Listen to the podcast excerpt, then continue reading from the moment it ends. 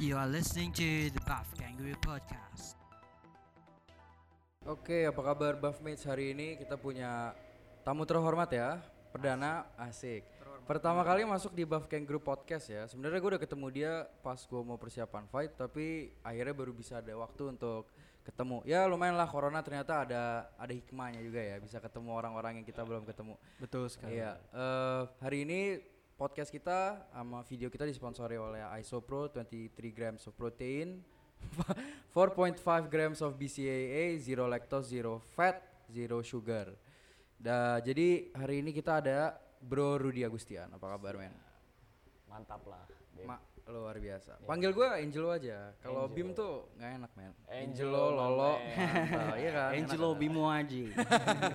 oke Angel. Oke, j- eh, p- pertanyaan pertama gua adalah lo tiba-tiba jadi tenar nih karena suatu kontroversi, Hmm. ya. Pe- eh, gue dia ada dua pertanyaan dalam topik ini. Pertanyaan pertama gue gimana lo tiba-tiba tiba-tiba banyak banget nih followers lo, banyak yang nge-subscribe YouTube channel lo. Hmm. Itu gimana tuh impactnya di dalam kehidupan lo yang bener-bener cepet gitu lo? ya kalau follower sih karena gue bukan selebgram ya nggak ngaruh sih sebenarnya Nggak ngaruh ya? nggak ngaruh karena gue nyari duit nggak di situ Produk gitu nggak ada yang masuk jadinya. Iya. Produk buat endorsement gitu belum. Eh, Dan Kan sebelumnya emang udah dapet Oke. Iya, semu- ada beberapa juga cuman ya nggak sepengaruh itulah Nggak sepengaruh itu ya? pengaruh itu Tapi kayak dalam berapa ya? Dalam semalam tiba-tiba lu bikin video klarifikasi dan whatever tiba-tiba banyak yang tahu lu. Itu ngaruh gak sih kata lu kayak eh, udah gue biasa aja gitu. nggak terlalu ngaruh sih gitu. Heeh. Kalau buat gue ya Iya. buat gue sih nggak terlalu ngaruh. Sama kedua adalah pertanyaan kalau misalnya si Oknum ini tidak nyebut nama lu, lo bakal mas nyebur sedalam ini nggak sekarang? nggak sedalam ini mungkin gue akan ya ngomong aja kayak di komen-komen aja paling tapi nggak akan nyebut sedalam ini Mm-mm. Jadi emang cuman karena modal dia nyebut, nama, lo. Karena yang satu lagi kan kayak Abro gitu kan emang nggak peduli sama sekali gitu kan kayak dia nggak nggak bahkan ngo- ngo- ngomong ke siapapun aja dia nggak gitu. Hmm. Kayak lu pas da- pas pertama kali kayak dia sebut nama gue kayak anjing nih orang fitnah fitnah fitnah parah nih. iya Iya seperti itu sih iya. gue ngerasa seperti itu karena di situ kan dia melecehkan ya ex atlet katanya kan Mm-mm. iya cuman hitungan detik kalah mulu kan enak gue ngeliatnya gitu kan sedangkan yang gue tahu atlet Indonesia nggak secupu itu gitu Iya. dan dia nyebut nama gue dan Abro juga gitu seakan-akan kayak kita nih kawan baik dan sangkatan lah ya kan Iya. seperti inilah level Rudy dan Abro juga lah kalau ketemu Cynthia ya hitungan detik lah disitulah gue kurang seneng gitu. Iya, tapi gue sebelum gue oper ke Rehan kali ya, dari masalah semua ini nih, ada ada ada ada hikmahnya nggak sih, ada positifnya nggak sih yang lo bisa ambil? Apakah kayak ini juga ngebantu naikin nama MMA Indonesia? Apakah ini ngebantu nama lo naik? Atau kayak ini semua lo ngelakuin ini semua juga ujung-ujungnya menurut lo juga nggak ada hasilnya? Hasilnya cuman lo kayak bikin campaign pembodohan publik atau kayak misalnya jelek-jelekin Cynthia doang menurut lu gimana? Ada, ada. Lumayan banyak ya. Kalau dari sisi edukasinya, waktu gua awal bikin video, lu lihat sendiri ribuan komen tuh ngehujat gua. Iya. Hujatan semua lah, parah-parah tuh hujatannya. Sampai gua sama bini gua tuh males ngeliat Oh, iya. komen. Wah itu parah, pertama kali ya. Karena emang gua nggak nyindir, gua bukan nyindir, gua langsung to the point. Gua bilang gua tantang, lu buktiin gitu kan. Nah itu langsung hujatan fans-fansnya dia. Pas gua bikin lagi, bikin lagi, apalagi pas udah dari Lampung, itu langsung sepi. Mm. Hujatan tuh udah nggak ada langsung. Langsung kayak kita bungkam Iya. ya kan panutan mereka langsung nggak bisa ngebuktiin mereka diem aja ya itu it- intinya kita udah berhasil mengedukasi beberapa fanboy dia banyak lah ya kan terus eh, banyak beda diri jadi benar-benar bersatu Bener. nggak cuman kita para aktivisnya doang tapi mau banyak orang gue jadi banyak kenal orang juga banyak bahkan dari Surabaya dari mana-mana kita jadi sering DM sering WhatsApp Iya.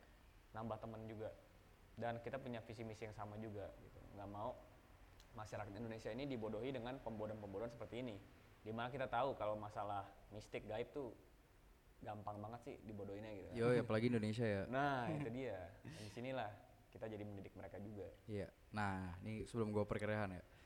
Lu sekarang kan berarti gimmick lo kalau Colby Covington gimmicknya supporter Trump. Bela Trump gitu. Iya, Jore Masvidal, Street Jesus ya.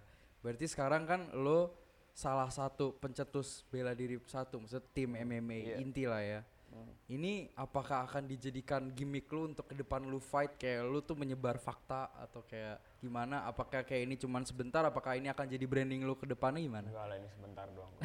nggak apa-apa men dijadiin brand kan keren cuy lu mau fight gini kayak ya misalnya siapa fighter ini tuh bukan apa mis- Ah. ya, Iya, gua misalnya kayak- tuntas nih faktanya. Iya, gitu. faktanya tuh kayak gini gini gini. Stop Iya. pembodohan publik gitu Iya. kan. Gitu kan lu- keren cuy. Boleh, tapi iya, ya iya. menurut gue itu sebagai bonus aja lah. Iya, sebagai bonus, Sebagai sebagai bonus. bonus. Bukan berarti gue mau hilangin. Tapi Iya, kalau iya. itu ada bonusnya ya nggak apa-apa. Gitu. Mantap, mantap, mantap.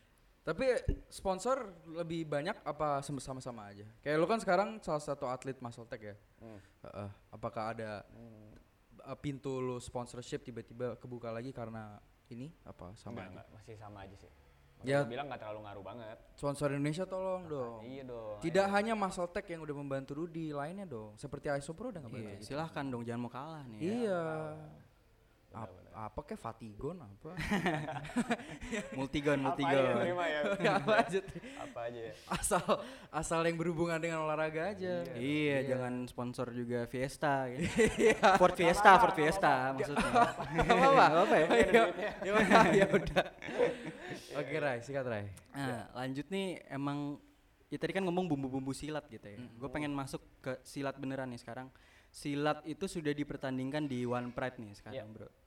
Namanya silat bebas. Betul. Nah, menurut lo dengan adanya silat bebas sekarang ini apakah akan membantu kemurnian silat yang sesungguhnya gitu, mempromosikan ini loh silat yang sebenarnya dibandingkan silat yang halu gitu. Hmm. Pasti. Ya ini yang real. Yang apakah ini efektif apa enggak silatnya kalian yang udah pelajari efektif apa enggak ya dilihat di sini di silat bebas. Dan rulesnya ya emang ditambah kayak mukul kepala, nendang kepala. Dimana silat yang sambung biasanya enggak kan. Iya. Nah di sini ada dimodifikasi sedikit. Udah semi MMA tapi nggak ada ground. Nah tapi Iya, nggak ada itu ground. sangat eh, gampang dipelajari juga untuk para pesilat. Mereka nggak perlu mempelajari ground terlalu dalam. Dan menurut gue masih connect ke silat banget sih. Ya, bagus lah ya intinya ya. Bagus banget sih menurut gua. Tapi itu step berikutnya untuk evolusi Kayak olahraga silat juga kan, Betul. soalnya di mana zaman kan kita harus Harusnya. harus harus adaptasi. adaptasi. harus terus adaptasi untuk ngelegitimize olahraga. Even kita juga masih harus evolve terus kan. Iya. Betul Iya. banget. Harus selalu berkembang ya. Iya. Yang Nah, gue sayangkan iya. tuh em, silat ini baru masuk ke One Pride itu baru tahun ini. Baru tahun ini. Karena beberapa tahun lalu ada silat tuh malah di One Championship gitu ya. Iya. Dan yang ngurusin juga setahu gue yang lebih involved di situ tuh orang-orang Malaysia gitu. Mm-mm. Ini one silat ya? One Iya di One silat. Di agak terlambat tapi untung mumpung momentumnya pas nih karena lagi ada yang viral juga tentang silat yang halusinasi itu. Iya.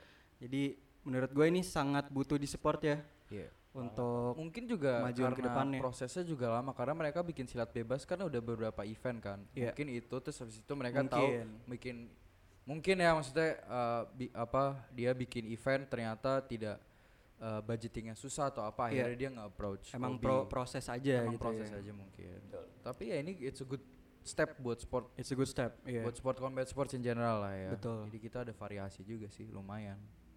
Nah, jadi menurut gua kalau silat bebas ini buat para pesilat sih positif banget. Positif banget Gimana ya. kalau dia mau masuk MMA banyak pertimbangan. Iya. Mesti belajar gulat, belajar kontrol ini itu ya kan bawahnya. Iya. Iya. Silat bebas tuh jatuh cuma boleh mukul tiga kali nggak salah. Dan itu nggak boleh digroundin. Iya, dimukul 5 detik. Lima detik doang. 5 detik sudah diberiin lagi. Iya. Udah bangun lagi. Iya. Dan take down-nya bagus-bagus loh, take down take down silat Iya. tuh. Jadi at least kita ada base lah. Ada Biasanya base, kan ada dulu banget. ja- pada pada masa gua sama dia kan basicnya lo apa? Sansau, Sansau, sansau. Sekarang iya. bisa basic lo apa? Silat bebas. Iya. Gitu, Iya. Main si Yudi ya main ya. Yudi. Iya. Iya, Ini Yudi. Atlet berprestasi banget. Ba- bagus banget itu kemarin. Bantingan bagus. Bagus. Sekarang ngomong-ngomong fight, lu mata bonyok kenapa tuh bisa bilang ke orang-orang nih yang ada di video? Pasti dipertanyakan nih kan di videonya Iya. kenapa. Ini nggak ngintipin janda ya bro. ini bukan bintitan. Bukan bintitan. Sparring, bukan. sparring. Oh, siap. Sama James. Sparring sama janda. Gak enak gua ngomong ini. ya, habis sparring aja. Ya lu boleh kasih tahu nggak kayak kalau misalnya lu fight itu regimen latihan lu tuh seperti apa? Maksudnya lu nggak usah ngasih tahu bumbu dapur lu, cuman pada wajarnya seorang MMA fighter itu yang sudah masuk di One Pride dan sekarang lu udah di One Championship itu sebenarnya gimana sih? Kalau gue kan lagi nggak aktif nih, Iya. ya kan? nggak aktif ya minimal gue seminggu sekali tuh di Sakteng. Mm-mm. Entah itu boxing, entah kickboxing, muay thai atau MMA Iya. minimal di Sakteng seminggu Iya. sekali kalau gue. Shark Tank itu kalau buat pada yang nggak tahu, jadi Rudy itu ada di tengah, bis itu digilir sama semua Digilir orang. lah. Jorok kesannya, cuman Iya. tapi itu ya itulah itu budaya kita lah. In positive way lah, In a positive way, in a positive way. bukan yang di Pornhub. Bukan, bukan. bukan. Jangan ya. Bukan. Itu nanti sama stepmom itu ya. Iya. beda lagi, beda lagi. Iya, lain, lain. Ya, jadi digilir seminggu sekali lah, biar nggak nggak hilang-hilang banget lah. Iya. Meskipun kita nggak aktif kan. Iya. Terus setiap hari sih masih latihan ya minimal sansak atau fisik lah. Ah, ah. Biar nggak pas ada panggilan fight memble banget gitu. Iya iya. Kalau lagi aktif, lu gimana tuh nge- ngemisahin? Maksudnya kalau wajarnya orang UFC atau orang-orang apa, kita latihan kan ada dua session dalam sehari kan. Iya. Itu lu gimana? Lu prefer yang kayak gue latihan teknik dulu, habis itu gue conditioning, apa lu lebih senang conditioning dulu baru latihan? Apakah itu tergantung head coach lu? Apa gimana? Biasa tergantung head coach juga tuh sih. Tapi biasa conditioning dulu sih. Mm-mm. Conditioning dulu baru masuk ke teknik. Ya, dan selalu diakhiri biasa dengan sparring. Mm-mm. Sparringnya nggak yang langsung berat. Mm-mm. Ya ringan-ringan lah. Ringan-ringan aja. Praktekin teknik yang didrillin apa gitu kan. Iya. Ya itu sehari dua kali juga sama. Mm-mm. Dan lu udah berapa tahun di Tha- sempat di Thailand itu? Thailand tuh dari 2011. 2011. Ah, berapa Sampai? lama itu? Sampai Total sih 6-7 bulan lah. 6-7 Oke. enam 6 7 bulan ya. Dan lu membawa ilmu itu ke sini kan. Iya. Dan itu bagaimana tuh di bedanya lu pasti ngerasain kan bedanya mentalitas orang Thailand dan mentalitas orang Indo sebagai fight itu sebagai profesi. Itu menurut lo apa? Perbedaannya apa gitu loh? Perbedaannya ya. Heeh, dalam walaupun ya mungkin orang mikir 6 7 bulan itu oh cepet tapi sebenarnya lama memang latihan mah lama sehari. Sik, gila, dua minggu aja udah enek. Iya. Lu latihan di mana pas di Dulu Thailand? dulu banyak di Sit Moncai, Seng Morangkot pernah juga Oh iya, di Itipon, Itipon tuh Itipon. lama juga Itipon Gym. Sakeau jauh sih. iya jauh. Beberapa camp aku cuma nyoba-nyoba doang. Iya. Yang lama sih Sit Moncai sama Itipon. Mm-mm. Itu gimana tuh? Apa? Kalau di Thailand itu fight tuh udah industri ya. Kok kayak kita ini jarang ada fight. Jarang. Iya. Jarang banget. Jarang. Parah. Kalau di sono seminggu bisa berapa ratusan fight, bahkan ribuan kali. Iya, Kalau di total rekornya sama yang juga. pinggiran-pinggiran sama di pasar-pasar gitu ya. Iya. Jadi di sono motivasi mereka untuk fight itu ya sangat besar. Iya, dan duitnya lebih banyak. Iya. Iya. Dan uangnya emang gede banget. Iya. Sekali bayaran bisa gede banget ya. Makanya mereka motivasinya juga beda dan tekniknya juga otomatis beda. Mm-mm. Waktu gue pelajarin di sini dan gue bandingkan dengan di sana ya beda. Mm-mm. Makanya gue langsung ke sana. Jadi gue nggak terlalu pusing lah. Gue beda. Camp ini ngajarin ini, ini. Camp ini ngajarin ini. Bilangnya beda-beda. Iya, soalnya kan ada ada ada berapa style ya Muay Style-nya Thai itu ada sendiri. Muay Muay Khao, ada Muay Femur gitu-gitu kan. Eh, apa namanya? S- Jadi stylenya banyak. Style tiap camp beda. Iya. Nah, tapi kalau di Indonesia ya basically mereka mungkin dari karate, dari kickboxing, lalu buka Muay Thai. Nah, jadi teknik Muay Thai sebenarnya itu jadi nggak tahu gue waktu itu. Mm-mm. Makanya gue langsung berangkat ke sana. Lu pas ke sana lu lebih seneng stylenya apa? Apakah lu main rapi, apakah lu main elbow, apa lu main clinch? Pas gue udah beberapa kali akhirnya gue nemuin pas gue clinch itu. Oh iya. Clinch ini itu yang bikin gue juara nasional waktu itu. Oh, Oke. Nah, jadi udah tabrakin aja terus. Mm-mm. Dan lu kenapa nggak? Kadang kan gitu kan, kalau lu udah dapat nyaman, lu main Muay Thai, lu tinggal di Thailand, kenapa nggak lu lanjutin aja terus lu main Thailand sampai main di stadium atau kayak lu main Muay Thai terus-terusan sampai tiba-tiba ternyata oh, lu masuk One tapi masuk One Super Series gitu. Hmm, betul. Mm-mm. Kenapa lu akhirnya gue nyoba MMA deh, ternyata nih MMA juga oke juga buat gue. Waktu itu karena gue udah punya camp juga ya, jadi nggak bisa tinggalin kan. Mm-mm. Itu yang yang sangat disayangkan juga. Gitu. Mas- Menghambat juga mungkin iya. Ya jadi karena ada camp, gue nggak bisa lebih bebas seperti itu. Mm-mm. Dan waktu itu di Indo sempat gue pensiun juga, karena gue udah banyak dikecewain juga kan. Iya. Gue sempat pensiun, akhirnya gue jadi wasit, ya masuk MMA deh. Mm-mm. Oke. Karena menurut gue masih bisa fight lah. Mm-mm. Dan itu transitionnya gimana tuh? Maksudnya kita ng- nggak pernah tahu ya, maksudnya di media manapun orang tahu Rudi Agustian itu ya udah udah jadi gitu loh. Iya, Kayak- transitionnya. iya kan. dibully-bully Transitionnya lah gua. gimana tuh? Dibully lah, dibully. Even sampai lu sorry banget nih gue ngomong ya. Eh, lu sempet kalah sama Rengga kan, cepet kan pas itu. Itu gue tahu tuh pas lihat itu kayak ini pasti masih period and Itu masih adjustment baru nih. belajar gitu Iya iya iya. kayak wizard aja gue lupa waktu itu kan Ya kan, anjir lupa gue iya pas gue liat oh iya Tapi lu salah satu orang yang ini gue nggak bullshit ya gitu maksudnya. Gue bilang lu orang yang cepet untuk adaptasi sih karena ujung-ujung lu bisa ngalahin Wardi kan. iya iya Dan itu pada saat lu ngalahin Wardi itu tuh jujur itu suatu hal yang s- kita lihat tuh eh, sangat impossible. Hmm. Lu yang lu yang men- meng- meng- Masih menghilangkan bahagia. stigma itu bahwa ternyata Wardi oh nggak nggak Bisa sejago, dikalahkan. bisa dikalahkan gitu loh. Lu yang ngebantuin lu untuk nge-transition secepat itu di luar dari dalam diri lu ingin lu belajar itu sebenarnya siapa awal-awalnya? satu ya pasti pelatih juga Mm-mm. pasti pelatih dan tim Mm-mm. ya itu pasti dan menurut gue ya gue orang cepet belajar sih meskipun gue udah berumur tapi gue semangat belajar itu masih tinggi gitu kayak gue bisa seperti ini At that time yang ngajar lu siapa?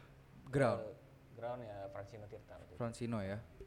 Dan emang dia pioneer lah ya di sini ya, gue salah Iya, nggak satu bisa pioneer. memungkiri ya emang dia salah satu terbaik di sini Iya, dia emang emang dia dari zaman dulu kan emang panutan gitu lah Iya. ya. Emang dia salah satu orang yang emang dia mentalitas apa? Biasanya kan orang grappling grappling, striker striker. Francino apa ya? MMA MMA Hmm. Betul. fighter. Lu dulu di podcast dia ngeceritain sisi dia ini. Kenapa dia pisah sama lu? Hmm. Lu ki- sekarang buff bisa tahu nih gue kalau emang lu mau sharing ya. Iya. Lu dari sisi lu lu dia pisah kenapa? Dari sisi dia katanya emang lagi nggak cocok aja terus emang ternyata kita nggak srek Hmm, Heeh. sebenarnya kalau dari pribadi sih cocok-cocok aja Ah. ya gue menghargai dia sebagai seperti seorang kakak ya kan cuman waktu itu emang ada kendala setiap gue tiga kali fight menang dia kendor Mm-mm. ya ini ini Hanes saja Hanes gue ya iya ya emang dia tiap tiga kali fight kendor lu hitung aja dari gue sama Wardi kan eh, menang tuh tiga kali iya Iya. pas itu rematch sama Wardi kendor juga kendor ngajarnya. juga kendor ya. split tapi decision kan itu ya yang kedua kan gua, yang kedua eh, kalah kan iya Ah, tapi decision kan enggak oh enggak ya karena RNC oh kena RNC ya RNC shit salah maaf gitu yang pas udah di one championship tiga kali menang kendor Kendor lagi. kendor lagi kendornya ya lumayan parah sih Mm-mm. ya dari situ gue lihat ya udahlah kayak kurang cocok Mm-mm.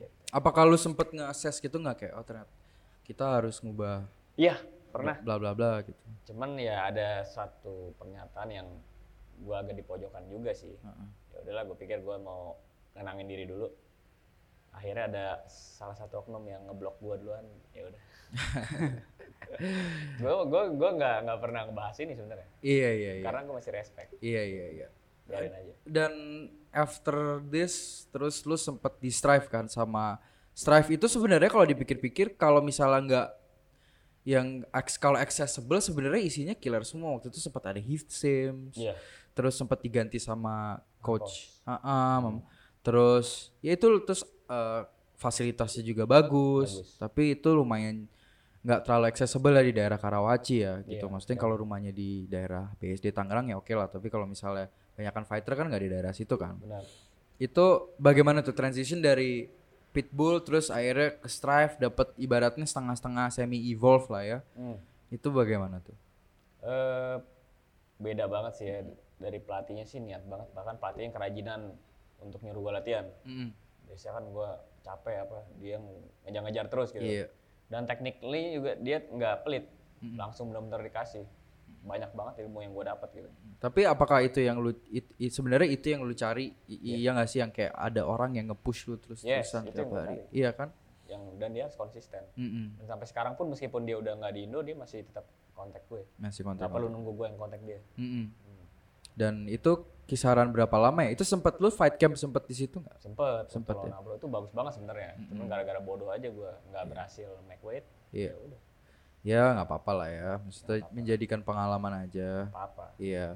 pembelajaran ya kan? Iya. Nah sekarang sayang sekali nih lo eh, ibaratnya nggak nggak nggak ditinggal tapi ibaratnya lo ditinggal lah sama dan lo sekarang harus eh, mikir bik- bikin fight camp lagi secara mandiri gitu. Apakah sekarang menjadi problem? Apakah lo mencari udah mulai kayak oke gue harus hire striking coach A, grappling coach B atau kayak lu sama antara ini lu bisa ngurusin sendiri itu tinggal cari orang-orang sendiri apa gimana? Eh looking forward ya even sekarang kita lagi ini kan podcast lagi corona ya PSBB transisi 2000 akhir-akhir 2020 ya. Yoi. Iya, jadi next step for you gimana men? Next step ya itu salah satu problem juga sih. Cuman so far karena si Andi ini udah ikut gue dari dulu dari zaman di Pitbull Mm-hmm. kan. Pitbull, Stripe. Ya gue akan percayain dia untuk program-program conditioning sama grappling. Karena emang dia basically grappler. Terus untuk kayak striking coach ya gue akan hire lagi deh. Gue nggak bisa ngandelin Andi doang kan. Mesti ada mungkin kayak si James bisa kita private dan sparring. Ya gitulah. Pelatih-pelatih lain kita hire lagi. So far sih kayaknya itu dulu. Iya. Kebetulan juga sekarang MMA juga lagi mulai naik ya. Mudah-mudahan mau semua organisasi yang berhubungan dengan Indonesia akan naik ya. Amin ya. Bu- Dua tahun dua tahun lagi. Lu boleh nggak kasih tahu ke gue sebelum gue oper ke Rehan gitu. Lu oke. Misalnya si A, gue mau jadi MMA fighter, tapi gue jadi MMA fighter yang proper, bukan cuman kerjaan latihan doang. Gimana sih kalau gue mau jadi MMA fighter, tapi gue bisa ngatur fisik, stamina, dan mental gue supaya pas hari H gue bener-bener 100%. Kalau dari lu sendiri gimana? Dan dia ini maksudnya ada kerjaan lain nggak? Dia, let's say dia tajir, ada duit, un- at least dia ada duit untuk fight camp 8 minggu, 2, bulan. Hmm. Tapi dia nggak punya knowledge atau dia juga nggak ada duit itu disisakan untuk kayak, oke gue harus milih yang pas nih, kalau nggak, kalau misalnya gue salah step aja, gue gagal. Ya gue sih akan ngebantu juga s- dari untuk timnya ya, tim dan manajemen ya. Ya kita bisa persiapan di sini, kita bisa atur entah pembagian uangnya dari fight atau dia mau bayar di muka, ya kan? Ya semua bisa kita bahas lah. Ya, oh maksud gua kalau misalnya ada orang gitu maksudnya pemikiran kita sebagai fighter modern itu bagaimana sih? Soalnya kan kayak orang mikir fight itu ya udah cuman kayak kita datang latihan pulang, kita pulang datang latihan pulang. Tapi sebenarnya kan dari pengalaman kita berdua dan Rehan juga udah pernah ngerasain fight camp kan nggak sebenarnya nggak cuman itu doang kan. Maksud gua cara berpikir kita sebagai MMA fighter dengan modern ini itu tuh gimana sih? Kalau kita mikirnya ya mikir latihan gitu ya, capek capek. Cuman ingat nanti akan ada hasilnya. Mm-mm, Kayak kita di One ini kan suatu ini prestasi juga Betul. perusahaan sebesar One gitu dan kita ada di dalamnya kan. Iya. awal-awal pasti orang akan bilang ini gue latihan mau ngapain sih begini-gini doang Mm-mm. dan menurut gue kalau emang dia benar-benar menjadi fighter ya dia harus jalani itu itu adalah suatu proses Mm-mm. dan dia nggak bisa tinggalin dia jangan bisa ah duitnya cuma kecil ya sabar Iya. semua ada proses ya kan Iya. dan suatu saat lu udah sampai di one ya duitnya akan berasa Iya, even ki- kalau out of context fight pekerjaan pun kan sebenarnya begitu kan kita start dari gaji UMR, bener sabar sabar aja ya adalah pahit nggak enaknya selekin sama orang atau apa tapi kalau misalnya kita awet kita tahu tujuannya kan nanti akan kerasa. akan kerasa dan kita hidup di passion kita gitu Iya, mungkin banyak ya kerjaan yang lebih menguntungkan tapi apakah itu passion dia bahagia apa enggak betul. Iya, banyak orang kerja kan ternyata nggak sesuai passion atau dia memaksakan dirinya. Kita ya bersyukurlah kita masuk di olahraga yang ta- pahit-pahit perjalanan, tapi at least kita seneng ngelakuin gitu loh. Iya kan? lu gimana happy happy happy aja dong. Awalnya nih ya, gue curhat sedikit ya. Gue ta- abis gue kalah November, terus gak gak ada kerjaan ya gue nikmatin duit tuan gue, gue tabung segala macam. Gue jujur ngerasa kayak "Bu, ngapain sih gue kayak gini kerjaannya gitu loh. Dan kebetulan gue waktu sama pacar gue sebelum pacar gue udah mikir ke depan. pacar nih. pasti Iya udah mikir ke depan orang tua gue udah kayak lu kerja, kamu kerja aja deh kamu kan udah baru lulus segala macem gini gini gini gini. Tapi tetap aja gitu loh maksudnya gue cari kerja nggak dapet dan segala macem bla bla bla. Terus ya baru akhir-akhir ini gue dapat pencerahan lah gitu kalau bisa dibilang ya emang yang gue bisa lakuin selama gue dari SMA sampai sekarang ya gue fight gitu walaupun emang fight apa namanya nggak bukan pekerjaan yang norm bukan hal yang normal gitu yang dilewati sama memang kita lewat itu kan bukan hal normal gitu loh kayak kayak orang kan apa bangun pagi jam 9 kerja jam 9 sampai jam 5 kerja apa di laptop kantor apa terus pulang balik lagi ngulang lagi hidup gitu kalau nggak paling sabtu minggu mabuk sama temennya kalau nggak psbb ya kalau nggak kerjaannya aduh gua mau pergi ke luar negeri gini kalau kita kan emang kerjaannya jam 9 latihan jam sa- sebenarnya sama aja kan pagi latihan sampai jam 12 istirahat jam sore udah atau malam udah latihan lagi kan tapi emang ternyata itu suatu hal yang sangat menyenangkan gitu di di mata gua gitu ya Out- di luar drama-drama Ya nggak jangan ngomong drama MMA deh maksudnya du- di dunia juga banyak drama, gitu. Iya. Lu ya penuh drama. kan? Iya, hidup-hidup aja penuh drama tapi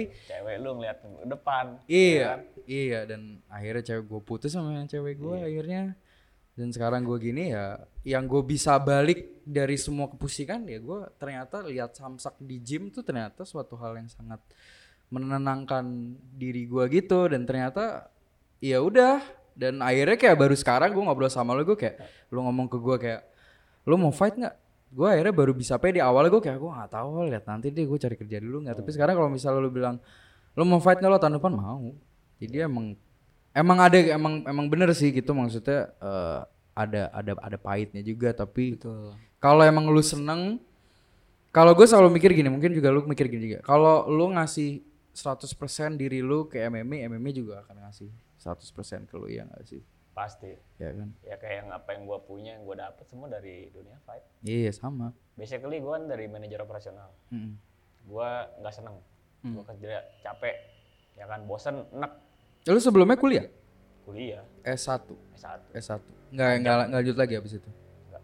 Ah, terus manajer Gua operasional kerja, jadi manajer operasional. berapa lama tuh Itu umur 25 gue langsung keluar.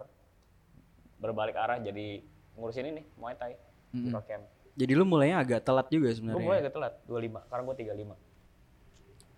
terus itu perjalanan ribet nggak dari lu Wah, ribet sama kayak lu lah kayak lu aduh, ini gimana nih buat merit apa ya kan iya iya iya terus sedangkan gue tanding dapat berapa sih dulu 2 juta Iya. terus ikut amatir yang buat si game gajinya juga dikorupsiin terus iya itulah kenapa gue sempet meskipun juara nasional cuma dapat seratus ribu Nah, pahit Wah banget gila sih. iya pahit banget Kecil banget. Iya. iya tapi kalau nggak ada MMA menurut gue gue udah pensiun di Muay Thai udah nggak ada duitnya dan Ya, kebetulan MMA lu ini nggak sih kebetulan lu masuk one juga jadi sacrifices lu ngerasa worth it banget sih sekarang Worth it. iya perjuangan ya bagus tapi brengsek juga tuh untung sekarang zaman sekarang amatir dapat bonus ya masih sama nggak? tapi tapi ya iya sih Ya, belum tentu. belum belum tentu sih Terus si Dwi kan juara 2014. Heeh. Dijanjin gaji 7 juta sebulan.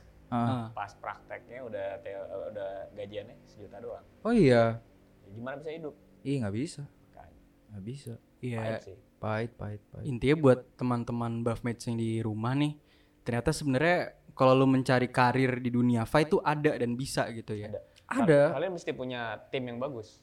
Jangan sendirian. Mesti punya manajer yang bagus, pelatih yang bagus. iya Jadi semua tuh bekerja sinkron gitu loh. dan mental yang kuat juga sih mental lu kuat bukan maksudnya fisik ya tapi ya gitu ya gitu kayak misalnya Don't tadi quit. Ah, ah. Banyak orang kepikiran, aduh udahlah, habis ini udahlah. Kalah nih. Ah udahlah, udahlah. Ngapain sih gue begini ya? kan? Iya. Anjir.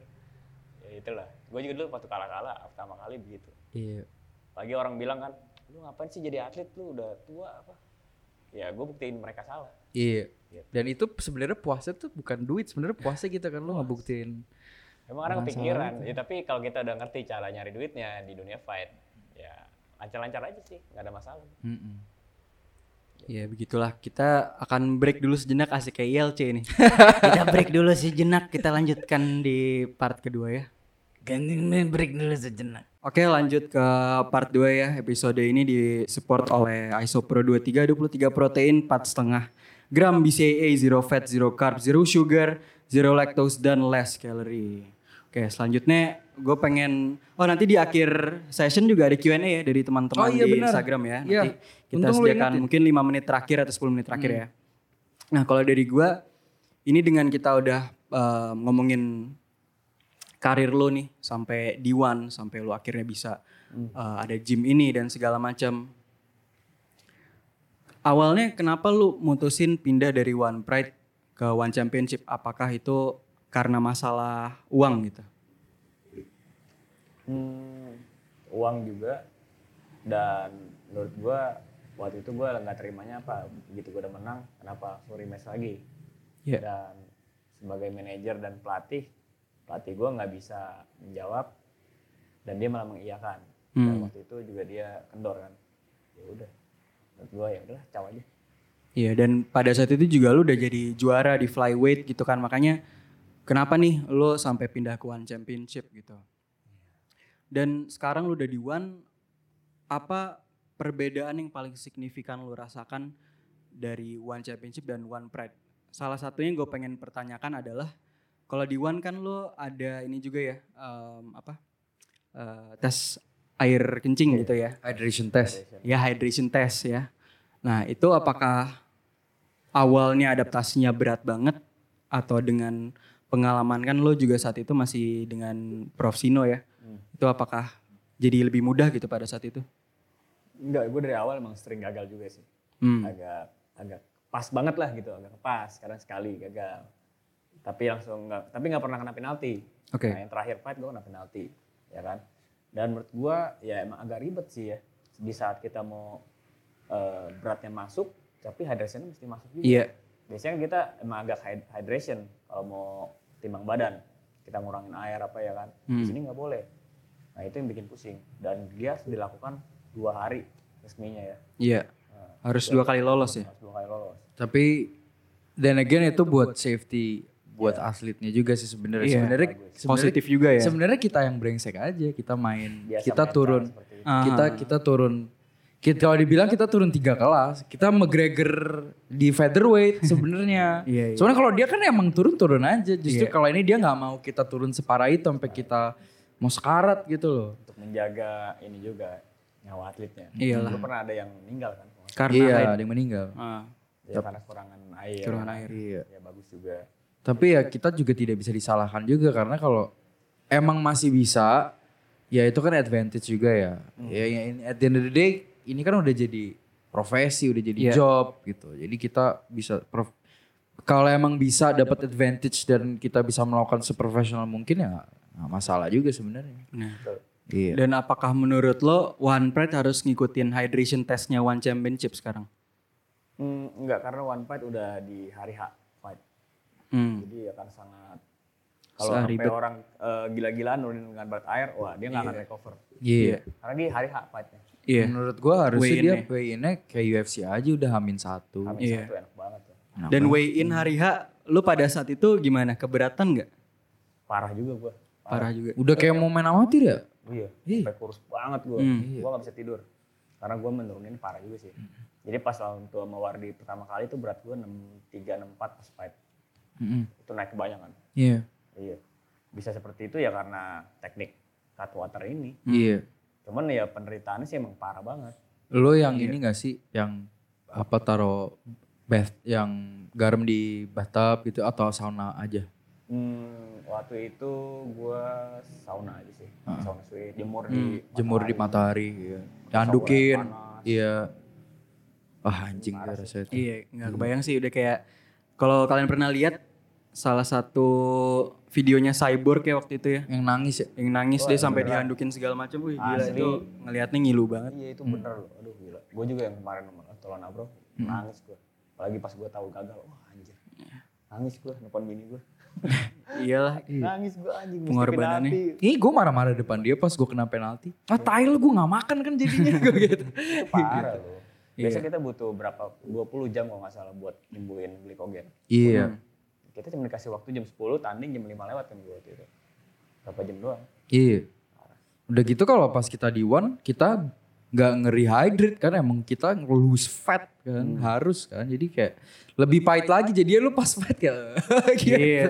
kalau kalau kalau kalau hyd- cuman kita buang air pas minum kan langsung naik, Naik lagi, lagi. kalau ini kan mau lu mau suntik apapun juga tetep eh, gue nggak makan-makan gitu itu. iya ah gila sih Iya, iya, iya. Dan ya duit juga sih. Duit. Faktor duit Iya, juga. Iya, beda jauh banget. Dan one championship emang lebih profesional. Iyalah skalanya juga kan beda. Cuman kalau untuk exposure sih ya one pride.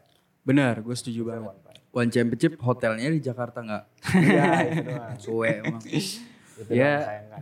Bisa dikunjungi 6 hotel Kemayoran. Iya, ada lift. Liftnya itu satunya satu-satu di dunia ini. Oh, Nggak iya. yang paling gue salut showernya. Karena itu bener-bener size buat bule ya. Iya. bule tinggalnya segini, showernya di eye level gitu. Iya. Kependekan. Pendekan. Jadi jadi Jadi jadi komplain dia emang. jadi lift itu jadi kita iseng nulis tulis di YouTube 6 hotel Kemayoran. Jadi ada satu video gitu, dia kayak fetish lift gitu, coy.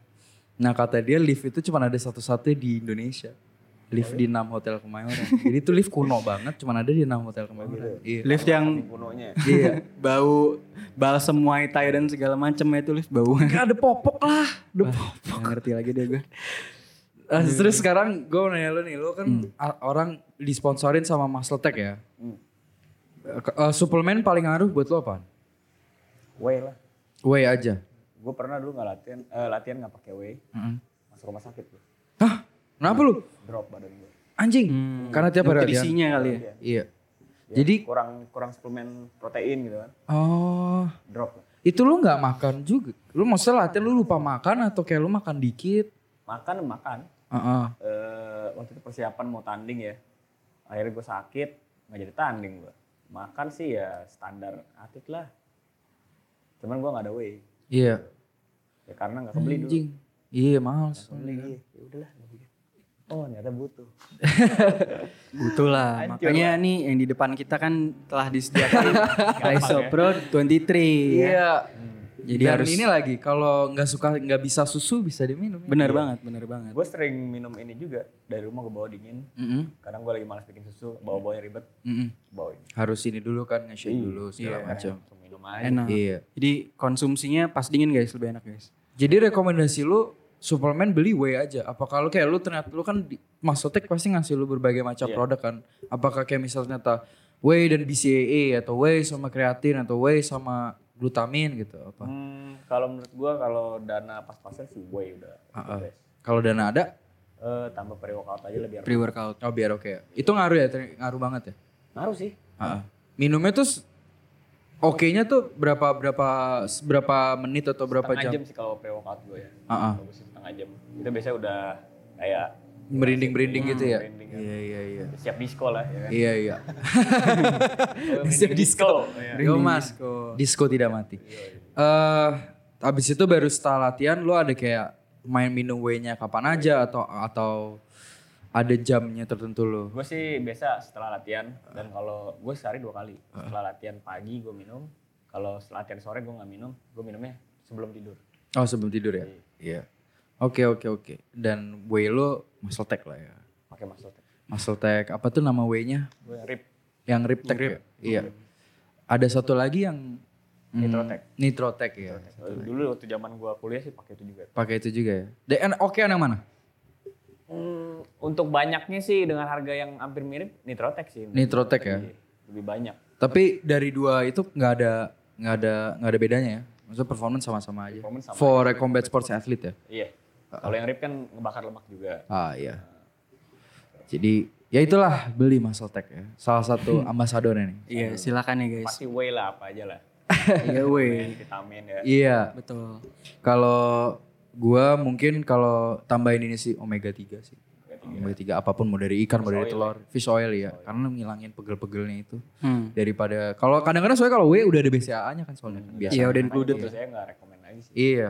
Mahal buang-buang duit ntar. makanya Ya. ya atlet emang suplemennya makan ini juga makan duit juga banyak Iya. Betul. Tapi buang-buang duit semua suplemen kecuali Muscle Tech karena dia ambasador Muscle. satu aja itu ya Sul- Sultan Muscle Tech. Sultan Muscle Tech gila. siap Nah, ini kita nyambung aja ke Q&A kali Oh, ya. langsung Q&A aja sikat. siap Q&A ini kita pilih dari paling Ini mau bawah semuanya deh. bagaimana lo? Gue pilih tiga terbaik ya. Gua Oke. pilih tiga terbaik. Paling bawah nih Radiga Mulyono tadi udah terjawab sih. Eh, tanyanya disiplin bela diri apa pertama kali dipelajari atau langsung MMA? Iya tadi udah kan. Muay Thai ya. Muay Thai. Lo langsung Muay Thai ya? Gak pernah nyoba yang lain? Dari kecil pun juga nggak? maunya sih yang lain dulu mau karate menyokap nggak ngasih kan Iya. Ba- buat nyokap gue bela diri tuh bisa bikin cedera dan jadi brutal Betul. bilang salah Iya. Nyokap itu emang musuh nomor satu sebelum kita Parnonya mulai itu Muay ya Thai. guys. Parno itu. Bukan musuh sih, parnonya itu. Arnonya itu. Nah yang kedua nih pertanyaan lucu nih. Eh, buat Angelo juga nih. Tulisannya dari Tako Kentang ya.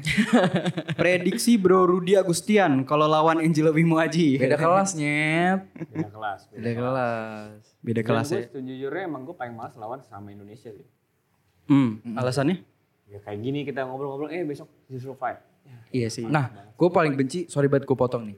Di Facebook, kalau misalnya fight card keluar nih, kayak gue kan selama ini ketemu Indonesia mulu Hmm. kan.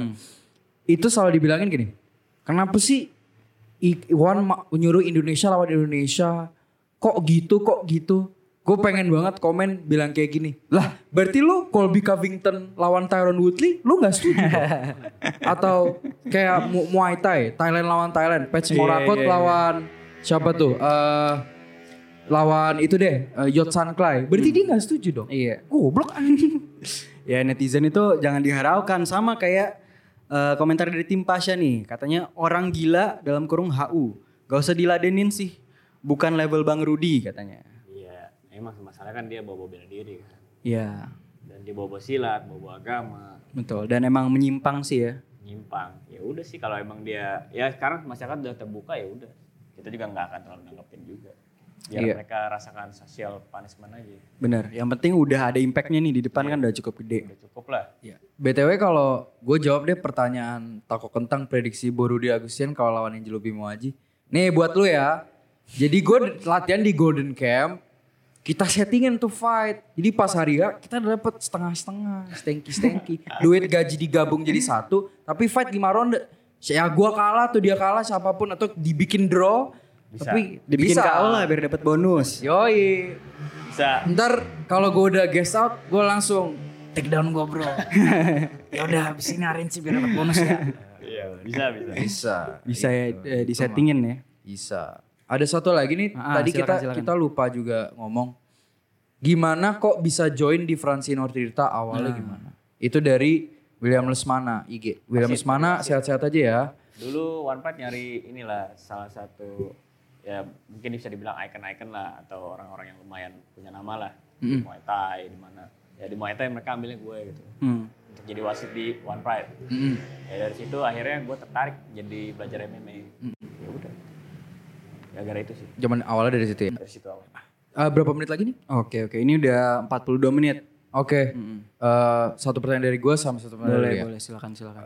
Terakhir pertanyaan terakhir adalah eh, message apa yang lu mau kasih ke eh, generasi berikutnya yang mau MMA di One Pride atau dimanapun itu atau mau Muay Thai?